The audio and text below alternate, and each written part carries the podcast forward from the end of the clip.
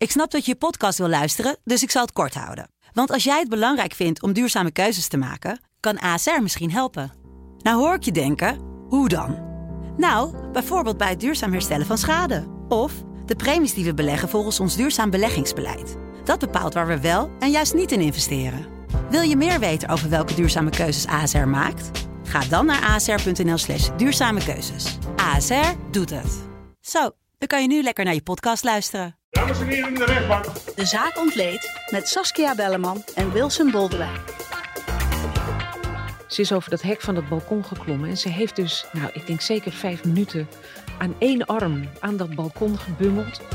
Een podcast van De Telegraaf. Kenzo K. schreeuwde teksten als: Jullie werken voor mij, jullie moeten doen wat ik zeg. Saskia, welkom. Dankjewel. We hebben een bomvolle podcast. Ik wou uitzending zeggen. Ja, is het ook een beetje toch? We hebben een bomvolle podcast. We gaan het hebben over de almeloze kruisboogschutter die eh, vorig jaar mensen de stuipen op het lijf jaagden vanaf een balkon. Maar we gaan eerst even terugblikken op een eh, aantal uitspraken. Er maar 17, vier Ja. verdachten, Ja. die zijn veroordeeld. En er is één vrijgesproken. Ja, drie zijn er tot levenslang veroordeeld en eh, alleen Oleg Pulatov is vrijgesproken. En dat was ook de enige verdachte die zich door Nederlandse advocaten liet vertegenwoordigen. De rest heeft het proces volledig links laten liggen. Wat zegt dat? Nou, dat zegt A, dat de advocaten hun werk goed hebben gedaan. Maar B, eh, heeft de rechtbank ook duidelijk gezegd van... uit alle bewijzen blijkt toch dat Oleg Pulatov, even onparlementair uitgedrukt, een onderknuppel was. Dat Ja. hij niet de opdrachtgever was voor het afvuren van die raket. Dat hij ook niet de bevoegdheid had om dat tegen te houden. Eh, hij was gewoon iemand die bevelen opvolgde en die eigenlijk gewoon niks in de melk te brokkelen had. En om die reden is hij vrijgesproken. Ik denk dat er, eh, als die kerels het links hebben laten liggen, want als je, het, als je nu in beroep gaat, Ja. dan, dan laat je het niet links liggen. Dus die, dit is eigenlijk gewoon afgerond nu. Ja, nou ja, dat, ik, ik weet niet zeker of het Openbaar Ministerie zich hierbij neerlegt. Ik kan me voorstellen dat die in beroep gaan, want die vinden dat Oleg Pulatov wel degelijk een van de hoofdrolspelers is geweest. Kun je ook alleen tegen zijn zaak in beroep gaan? Of moet je dan die Eh, andere drie meenemen? Nee, die andere drie hoef je niet mee te nemen. Eh, en die, die zullen zelf niet in hoger beroep gaan, want die hebben het hele proces links laten liggen. Eh, maar het zou natuurlijk wel kunnen dat, eh, dat het Openbaar Ministerie dat doet. Die gaan dat natuurlijk niet doen, want die hebben deze drie eh, hebben ze levenslang tegen Ja. geëist. En dat hebben ze gekregen. Nou ja, er is geen reden voor deze mensen om eh, in beroep te gaan als ze dat hele proces niet erkennen. Want dat zou dus in feite een erkenning zijn van de bevoegdheid van de rechtbank en van, van dat hele proces wat ze niet hebben willen bijwonen tot nu toe. Dan erken je de uitspraak ook. Ja, daar meer. komt het een beetje op neer, ja. Dus ik denk niet dat ze dat doen. Ik denk dat ze gewoon hun schouders ophalen en verder gaan met hun leven. Dan hebben we de Zeeuwse gruwelmoord. Daar hebben wij een eh, mooie podcast over gemaakt. Althans, mooi tussen aanhalingstekens. Ja. Waarbij een winkeleigenaresse een liefdesconcurrente gruwelijk om het leven bracht. Sandra H. vermoorde Ischelle van der Velde. En die heeft een forse straf gekregen. Ja, ze is eh, veroordeeld tot 18 jaar gevangenisstraf. Dat is ook wat eh, het- de officier van justitie had geëist. Alleen komt de rechtbank op een heel andere manier tot een bewezen verklaring. De officier van justitie zei dat ze het aannemelijk achten dat ehm Ischelle onverhoeds een klap op de kop heeft gekregen, waardoor ze weerloos is gemaakt. En dat daardoor Sandra H., die veel lichter, veel kleiner Ja. is, de kans heeft gekregen om Ischelle vast te binden op een stoel om haar daarna te wurgen. Nou, daar gelooft de rechtbank niet in. De rechtbank zegt van wij denken dat het wel degelijk mogelijk is geweest dat zij Ischelle plotseling een duw heeft gegeven, waardoor Ischelle met haar hoofd tegen de radiator is gevallen en bewusteloos is geraakt. Dat is ook wat Sandra H. steeds heeft beweerd. En zegt de rechtbank, daarna heeft ze haar gewurgd. Alleen, ze was nog niet meteen dood. Want op een gegeven moment kwam er een klant in de winkel. En die klant die hoorde op een gegeven moment eh, kreunen van achter een gordijn komen. En wat ook opvallend was, was dat Sandra H. tegen haar zei... ik zie er niet zo goed uit, want ik denk dat ik lang de gevangenis eh, in moet... want ik denk dat ik een moord heb gepleegd. Nou, dat is natuurlijk een hele rare opmerking om te maken. In, dat heeft ze, In die winkel In die tegen winkel? die klant, ja. Toen dat gekreun weer klonk, toen is zij even naar achter gegaan, Sandra H. En volgens de rechtbank heeft ze toen voor de tweede keer Ischelle gewurgd. En dit keer definitief. Eh, daarna is ze overleden. Daarom zegt de rechtbank ook van, kijk, die eerste keer dat kan een opwelling geweest zijn. En toen bleek dat het niet helemaal gelukt was, had ze op dat moment kunnen besluiten om het tijd te keren en om te voorkomen dat het nog erger zou worden. En had ze kunnen stoppen, maar dat deed ze niet. Ze heeft een tweede verwurging eh, ondernomen en die was fataal. En ja, daarna Zoals we verteld hebben in de vorige podcast, eh, heeft ze eerst uh, Ishelle wekenlang in haar winkeltje laten liggen. Ishelle lag daar zelfs nog op het moment dat de moeder en de broer van Ishelle uh, polshoogte kwamen nemen in de winkel. Ja, en toen heeft volgens de rechtbank Sandra zich nog steeds voorgedaan als een goede vriendin. Die niets liever wilde dan haar vriendin weer opsporen. En vervolgens heeft ze besloten om het lichaam in stukken te zagen en weg te werken in een uh, uitwateringskanaal. En niets in de TBS-sfeer? Nee, uh, dat is op zich wel gek. Ik had verwacht dat dat wel zou gebeuren, omdat er door de deskundige werd gezegd: ze is verminderd toerekeningsvatbaar, ze heeft een persoonlijkheidsstoornis. Maar omdat de deskundigen ook zeggen dat het gevaar voor herhaling laag tot matig is, zegt de rechtbank: dan is er niet voldaan aan het gevaarscriterium. Je kunt alleen TBS opleggen als een verdachte gevaarlijk is voor andere personen en voor zijn omgeving. Ja. En omdat dat herhalingsgevaar uh, laag tot matig is, is dat er niet, dat gevaarscriterium, leggen ze dus geen TBS op. Wat ze wel hebben opgelegd, is ja, wat je dan noemt een gedragsbeïnvloedende en vrijheidsbeperkende maatregel. Die gaat in na de celstraf. En die houdt in dat uh, Sandra H. langdurig onder toezicht blijft staan. En ook aan allerlei voorwaarden moet voldoen. Uh, hoogstwaarschijnlijk een behandeling. Dan zijn we heel veel jaren verder. Dan toch? zijn we heel veel jaren verder. Want ze zal van die, uh, die 18 jaar die ze opgelegd heeft gekregen, 16 jaar moeten uitzitten. Miek van Wely, even een bruggetje naar de TBS-kliniek. Daar heb ik afgelopen week een gesprek mee gehad. Althans, vorige week. Het TBS-systeem piept en kraakt. Er zijn allemaal incidenten, doen zich voor. We hebben natuurlijk het verhaal van die Nigeriaanse meneer gehad. Dat trouwens niet een officiële TBS-kliniek heeft, maar gedeeltelijk ja. TBS, uh, ja, hoe zou ik het noemen, eigenschappen heeft of ja, behandelingen. Mij is dat zo'n forensisch psychiatrische Ja, kliniek. Dat, dat is, officieel geen TBS-kliniek, nee. Nee, Maar goed, het Ehm, zijn wel in, in dat hele systeem kraakt en piept het. Ze zitten met personeelstekorten. eh, ondertussen wel met steeds meer mensen die een TBS-maatregel opgelegd krijgen. Je hoort ook dat daar wachtlijsten voor bestaan. Dus ja, dat gaat gewoon niet goed. Mensen Nee. die, die er werken, die eh, zijn vaak onervaren. Wel goed opgeleid, maar onvoldoende ervaring opgebouwd. En dan gaan er dingen mis. En dat heeft niks te maken met hun inzet, maar wel alles met de bezuinigingen de afgelopen jaren. ja, en dan komen we weer in, dat, in datzelfde principe van bezuinigen bij organisaties. Of het nou de IND is, of de AIVD is, of bij de TBS. Het bezuinigen is niet het probleem. Het opnieuw op capaciteit brengen, Ja, als het nodig is, is wel een heel groot probleem. ja want Voordat zelfs... je efficiënt opereert. Ja, zelfs als je nu zou besluiten, we gaan weer eh, meer personeel werven, we gaan TBS-klinieken openen. Ja, waar waar haal je het personeel vandaan? Ja. Dat lukt bijna niet. En dat is natuurlijk een beeld wat je ziet in de hele samenleving, dat overal personeelstekorten zijn. Ook wij kregen alle vacatures bij de Telegraaf niet eens vervuld. En dat is uitzonderlijk. Daar hebben we Ja. natuurlijk jarenlang geen enkel probleem mee gehad. Ze stonden in Rotten van vier voor de deur, maar Ja. ja. nu wordt het anders. We gaan het hebben over de kruisboogschutter uit Almelo. Ja.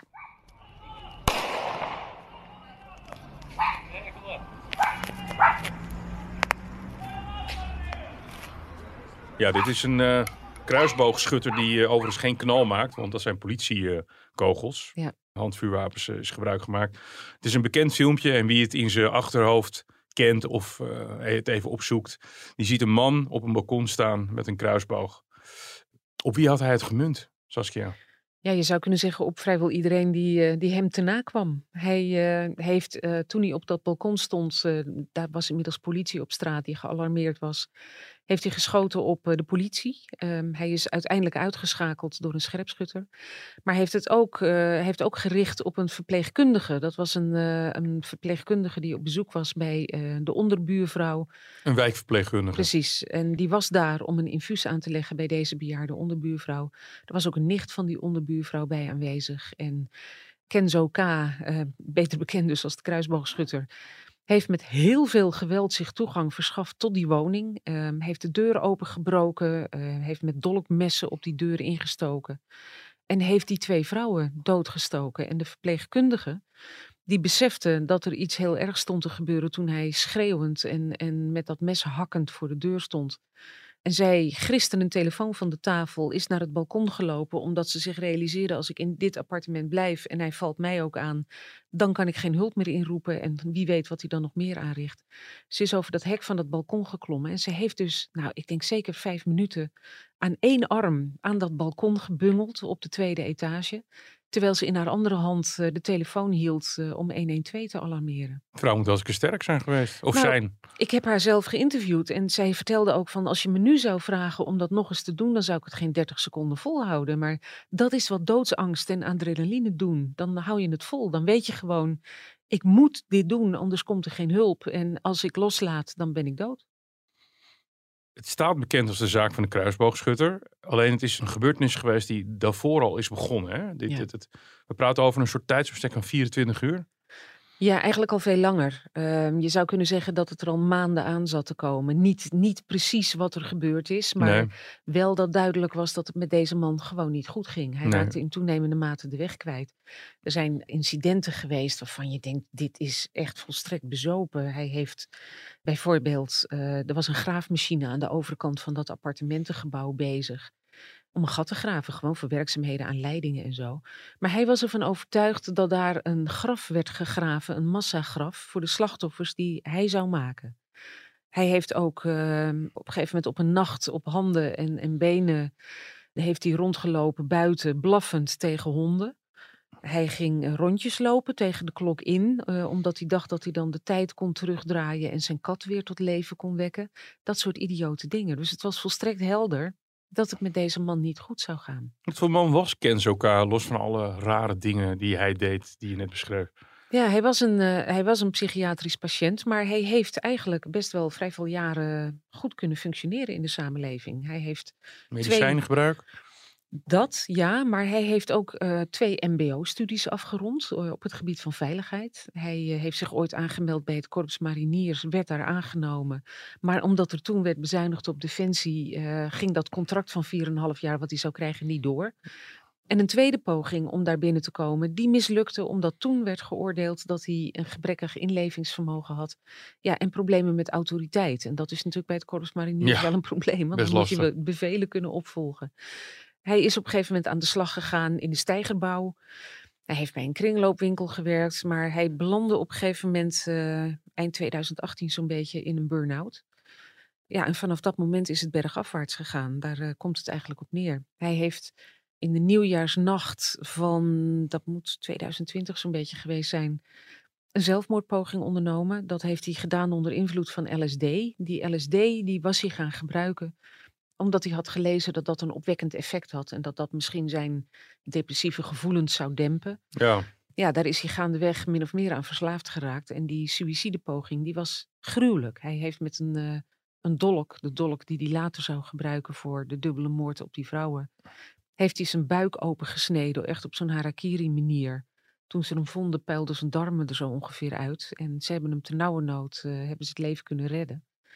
Maar het is niet beter gegaan daarna. Hij is eigenlijk alleen maar verder afgegleden. Deze man was rijp voor opname. Ja. Daar kunnen we het zo direct over hebben. Dat is dus niet gebeurd. Hij woonde in een, eh, in, in een drie, vier hoog appartementencomplex in, eh, in Almelo. Ik stel me Mhm. voor dat het een beetje zo even buiten het centrum is. Ik zo goed ken ik Almelo eh, in die zin niet. De buurvrouw en haar eh, dochter die langs zijn gekomen. die- Nicht, en, zo, excuus, ja. een nicht. Die zijn eh, om het leven gebracht en de eh, wijkverpleegkundige was op bezoek. Wat was nou de verhouding tussen die buurvrouw en Kenzo K? Zijn het echt buren die echt die vlak naast elkaar woonden? Boven elkaar. Boven Kenzo elkaar. K, die woonde op de derde verdieping en eh Zonund Kardanakian woonde op de tweede verdieping.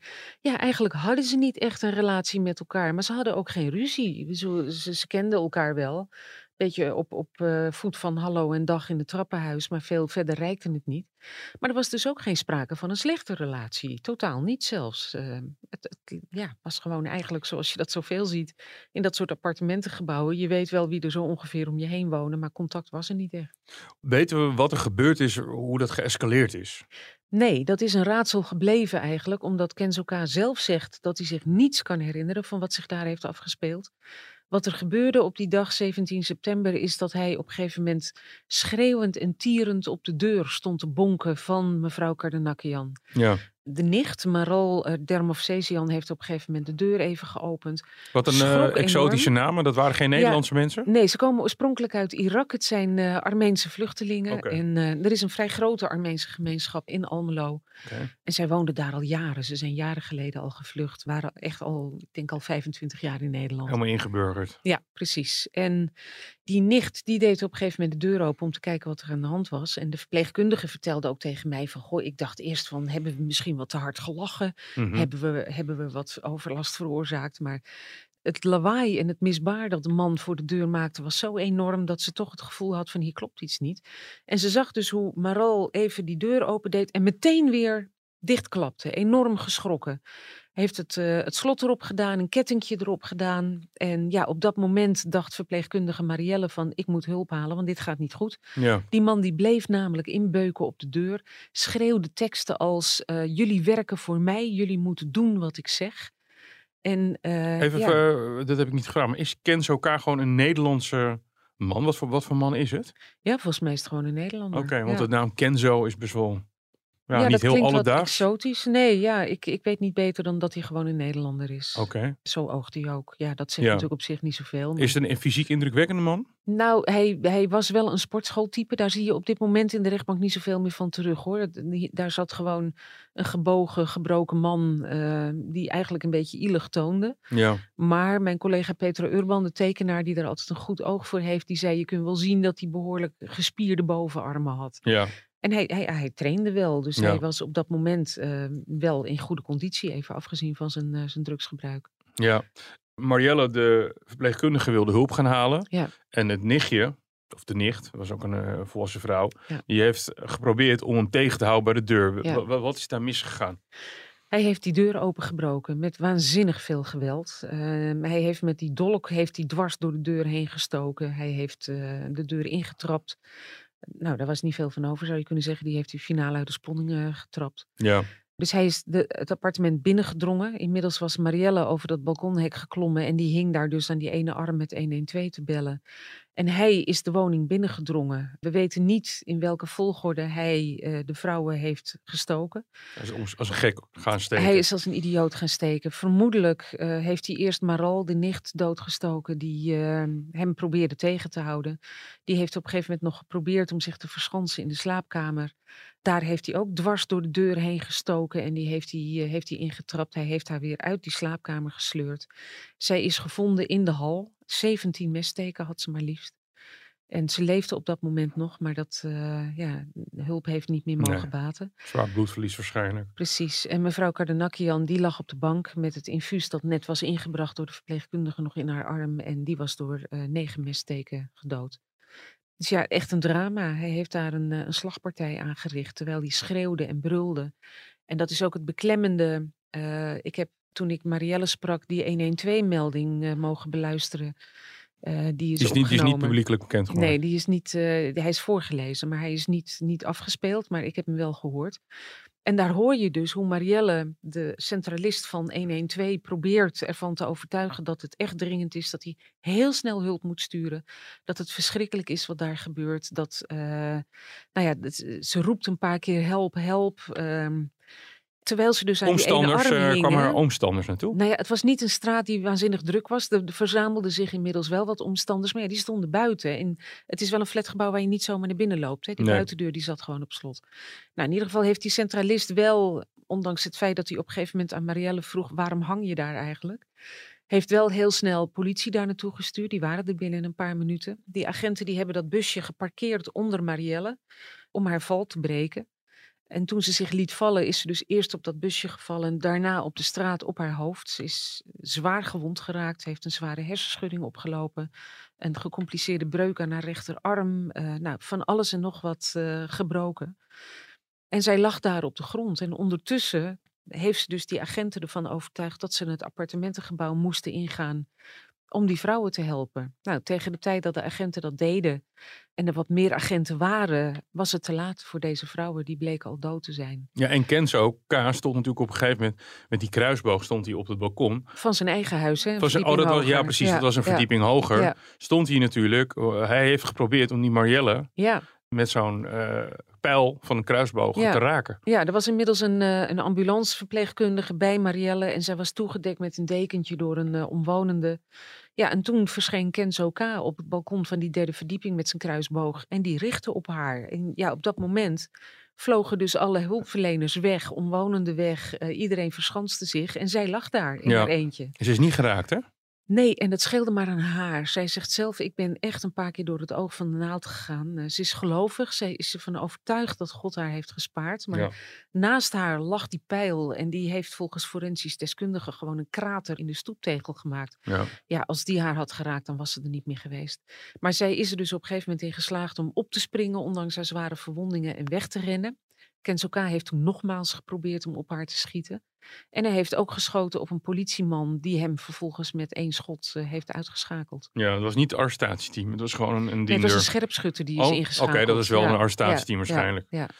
Even terug in de tijd qua... eh, want er zijn LSD-zegels gevonden bij Ken Soka. Jij vertelde ook net eh, hij- dat hij dat wel eerder gebruikte. Ja. En er zijn ook gewelddadige filmpjes en aantekeningen aangetroffen. Ja. Dus het is wel een soort opmaat geweest naar die uitbarsting. Ja, die, die gewelddadige teksten die stonden op notitieblokken die ze in zijn huis vonden. Maar hij heeft dus ook naar zijn vrienden heeft hij allerlei gewelddadige eh, teksten gestuurd. Zoals eh, mensen vragen erom om afgeslacht te worden en er gaan koppen rollen, dat soort teksten. Ja, die vrienden hebben op een gegeven moment afstand van hem genomen. En dat gebeurde met name nadat één vriend bij hem op bezoek was geweest. En hij met die dolk allerlei vechtbewegingen stond te maken. eh, ja, dat joeg die vriend zoveel angst aan dat hij dacht van ik kom hier niet meer. Dus die vrienden die hebben op een gegeven moment een aparte appgroep aangemaakt zonder Kenzo K. En waarin ze ook wel blijk gaven van hun, eh, hun verontrusting. Ja. Maar ja, zij konden er ook niet zo heel veel aan doen. Wisten die vrienden dat hij een eh, kruisboog in bezit had? Dat vraag ik mij af. Dat weet ik niet helemaal zeker Nee. of ze dat hebben geweten. Nee, Nee. ik weet niet of je die nou in het zicht had. Nee, een kruisboog is voor wie daar, wie dat, eh, dat ik, ben redelijk wapendeskundig. Als voortschutter is een vanaf 18 jaar vrij verkrijgbaar wapen. Het is ook een beetje een raar gat in de wapenwet. Ja. Het is geen verboden wapen, ook omdat je hem relatief makkelijk zelf kan namaken. Mhm. Maar ja, is natuurlijk wel gebruikt bij die, bij die geweldsuitbarsting. Dus Ja. misschien dat dit weer tot een debat gaat leiden, dat tussendoor. Ehm Kenzo K. eh, zegt zelf in de rechtbank dat die dag één groot zwart gat was. Ja. En hij heeft drie weken in coma gelegen. Ja. Hebben we het dan over de coma daarna? Hij is door een scherpschutter uitgeschakeld. Ja. Dus hij is naar het ziekenhuis gebracht, geopereerd en ze hebben hem een tijdje in coma gehouden. Ja, en hij zegt dat hij zich niets kan herinneren van wat zich daar heeft afgespeeld. Dat hij zich ook niet kan voorstellen dat hij het heeft gedaan. Maar zegt hij, het moet wel. Want ja, Ja. de bewijzen liggen er natuurlijk niet om. Toen politie zijn appartement binnenging, toen vonden ze ook een, een soort pop, zou je haast zeggen, waarop hij overduidelijk had geoefend met zijn kruisboog. Ja. En daar lag ook een poster van Trump. Dat vond ik ook wel een merkwaardig detail. Over een kussen gedrapeerd. En daar staken twee pijlen door de ogen heen van Trump. Dus hij was niet een bepaald fan. Ja, Ja, multi-interpretabel. ja precies. Ja. Ja. Ik weet niet precies hoe je het moet interpreteren. Maar goed, hij heeft dus inderdaad in coma gelegen. Maar de deskundigen zeggen, er is niet echt een lichamelijke oorzaak eh, of een neurologische oorzaak, waardoor hij zich dingen niet meer kan herinneren. En ja, ik, we hebben een keer Peter van Koppen gesproken eh, Ja. in een podcast. Die zelf heeft gezegd van ik geloof gewoon niet in totaal geheugenverlies van een verdachte. Hè, het kan zijn dat mensen het zich niet willen herinneren. Ja, precies. En dat ze het proberen ver weg te stoppen. Maar dan nog, hè, zelfs als je bepaalde dingen kwijt bent, dan krijg je nog wel flarden terug. Nou, we hebben meerdere deskundigen gehoord, ook in deze zaak, die eigenlijk hetzelfde zeiden. Die ook zeiden van totaal geheugenverlies, het kan gewoon niet. Laten we luisteren naar de nabestaanden van de slachtoffers. Het zwarte gat zit niet in jouw geheugen. Het zwarte gat zit in jouw hart. Je denkt dat je God bent, maar je vergis je daarin.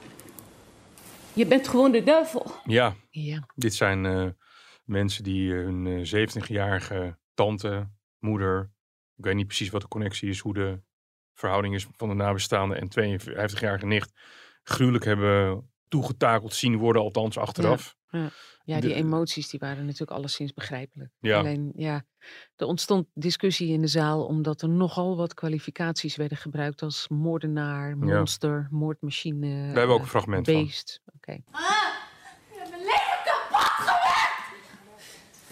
Mijn leven! God zal je wraak nemen, Kenzo!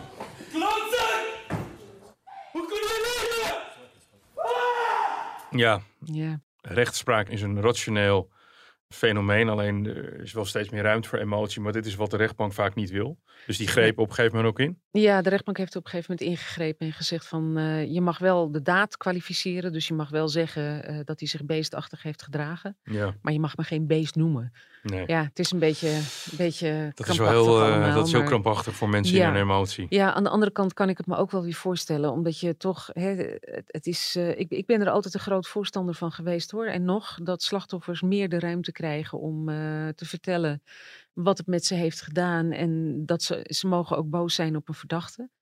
Alleen ja, het is nog wel een verdachte. En Ja. dat is een beetje het probleem. Er is nog niet vastgesteld dat hij schuldig is. Nou hebben we hier natuurlijk wel te maken met een man van wie er weinig twijfel over is dat hij het heeft gedaan. Maar je Ja. maakt natuurlijk dit soort uitbarstingen ook wel eens mee in zaken waar het eigenlijk nog niet helemaal vaststaat of een verdachte ook daadwerkelijk de dader is. En, Dus die kanttekening moet je zoveel mogelijk plaatsen. Ja. Als, eh Ja, precies. Kenzo Kaan zou weken voor het drama aangebeld hebben bij eh, de benedenbuurvrouw. Ja, dat Het verhaal dat hij zijn sleutels was vergeten. Dat is door eh, een neef eh, geopperd. Dat Ja. zou kunnen wijzen op dat hij zijn buurvrouw al langer op de korrel had. Ja, die, die neef die zegt van dat was een voorverkenning. Dat kan niet anders. Zij heeft gewoon mijn tante uitgezocht als, als doelwit. En hij is gewoon ter plekke gaan kijken hoe de situatie was, hoe de vluchtwegen waren. Ja, dat zou heel goed kunnen dat hij dat heeft gedaan. Hij had natuurlijk een verdediging. En ehm, die konden natuurlijk ruim inspiratie eh, eh, krijgen uit zijn psychische gesteldheid. Ja, zijn advocaat heeft gezegd van ja, de, de man die hier in de verdachtebank zit is geen crimineel, het is geen monster.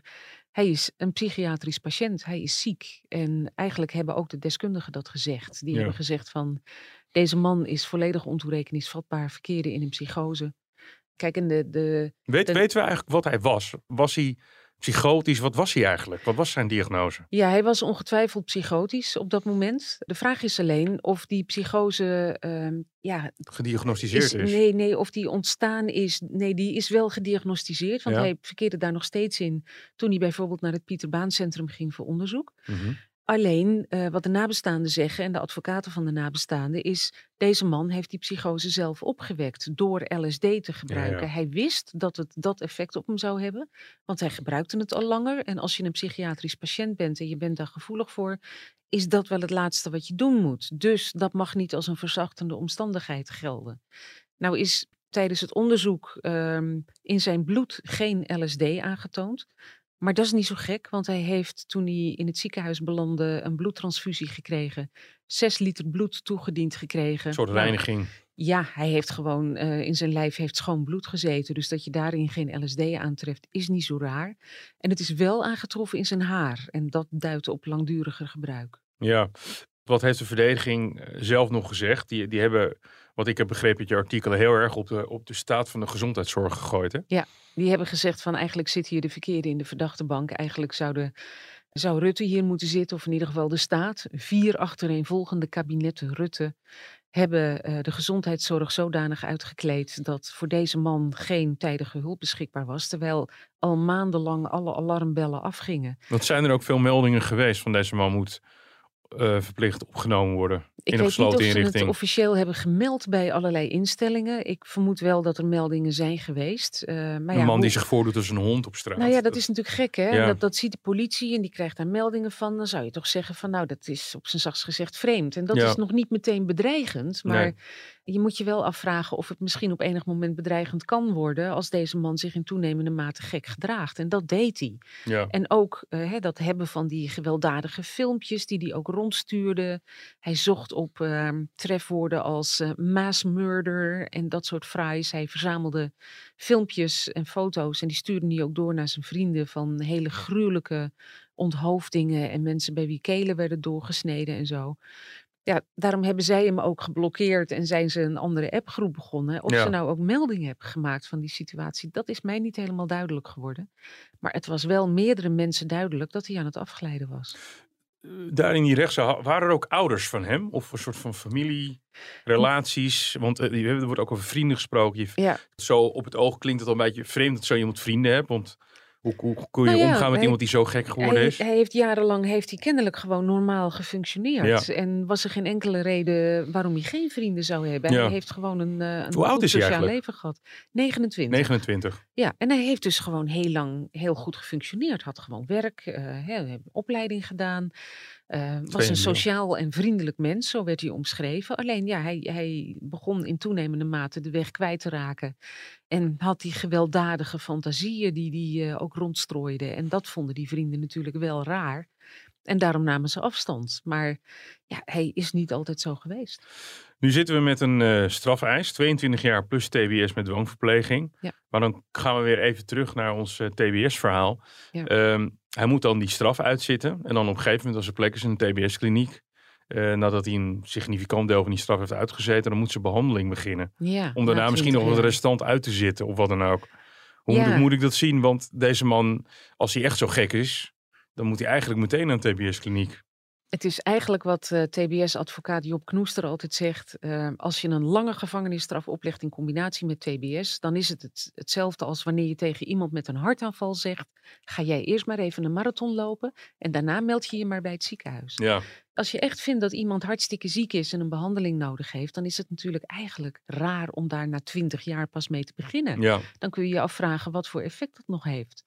En ja, je ziet wel eh, steeds vaker dat rechtbanken, eh, dat is nu nog niet gebeurd natuurlijk, het is nu alleen nog maar een eis. Maar je ziet wel vaker dat er hoge gevangenisstraffen worden opgelegd in combinatie met TBS. Ja, en dan is het eigenlijk de vraag of het TBS-systeem niet wordt misbruikt om iemand gewoon heel lang van de straat te halen. ja. Want op zich voor moord, een dubbele moord, met voorbedachte raden kun je ook levenslang eisen. Ja, absoluut. Maar ja, als deze man ontoerekeningsvatbaar is, eh, volgens de deskundigen is het op zich natuurlijk al gek als een officier überhaupt een, een gevangenisstraf eist. Ja. Want ja, als iemand gewoon zo ontoerekeningsvatbaar is, dat hij dus eigenlijk niet verantwoordelijk kan worden gehouden voor zijn daad, mag hij alleen TBS met dwangverpleging krijgen. Dus ja, deze officier heeft, en ook dat zie je vaker gebeuren de laatste tijd, dat deskundige rapport gewoon terzijde geschoven. Ja. Zo van, eh, Ik hij, moet eerst, hij moet eerst boeten. Ja, Heel Ja. veel jaren. dat klopt. Ja. Uitspraak 23 december. Saskia, dankjewel. Wij, eh, we zullen nog even op de uitspraak eh, terugkomen. TCT, dan is het wel weer rond de kerstdagen. Ja, Het dat gaat hard het jaar, hè? Ja. Dit was de zaak Ontleed met Saskia Bolle... Ik wou zeggen Saskia Boldewijn. Bolleman. Saskia Boldewijn, wou ik zeggen. Maar ik heb nog steeds geen aanzoek naar jou gedaan. Dat komt nog. Misschien volgend jaar. Oké. Dit was de zaak ontleed. Dit was de zaak ontleed met Saskia Bellerman. Mijn naam is Wilson Boldewijn. Vindt u dit een leuke podcast? Laat u dan een recensie achter op het platform waarop u dit luistert. En dan eh, kunnen wij er altijd weer lering uit trekken. Tot ziens.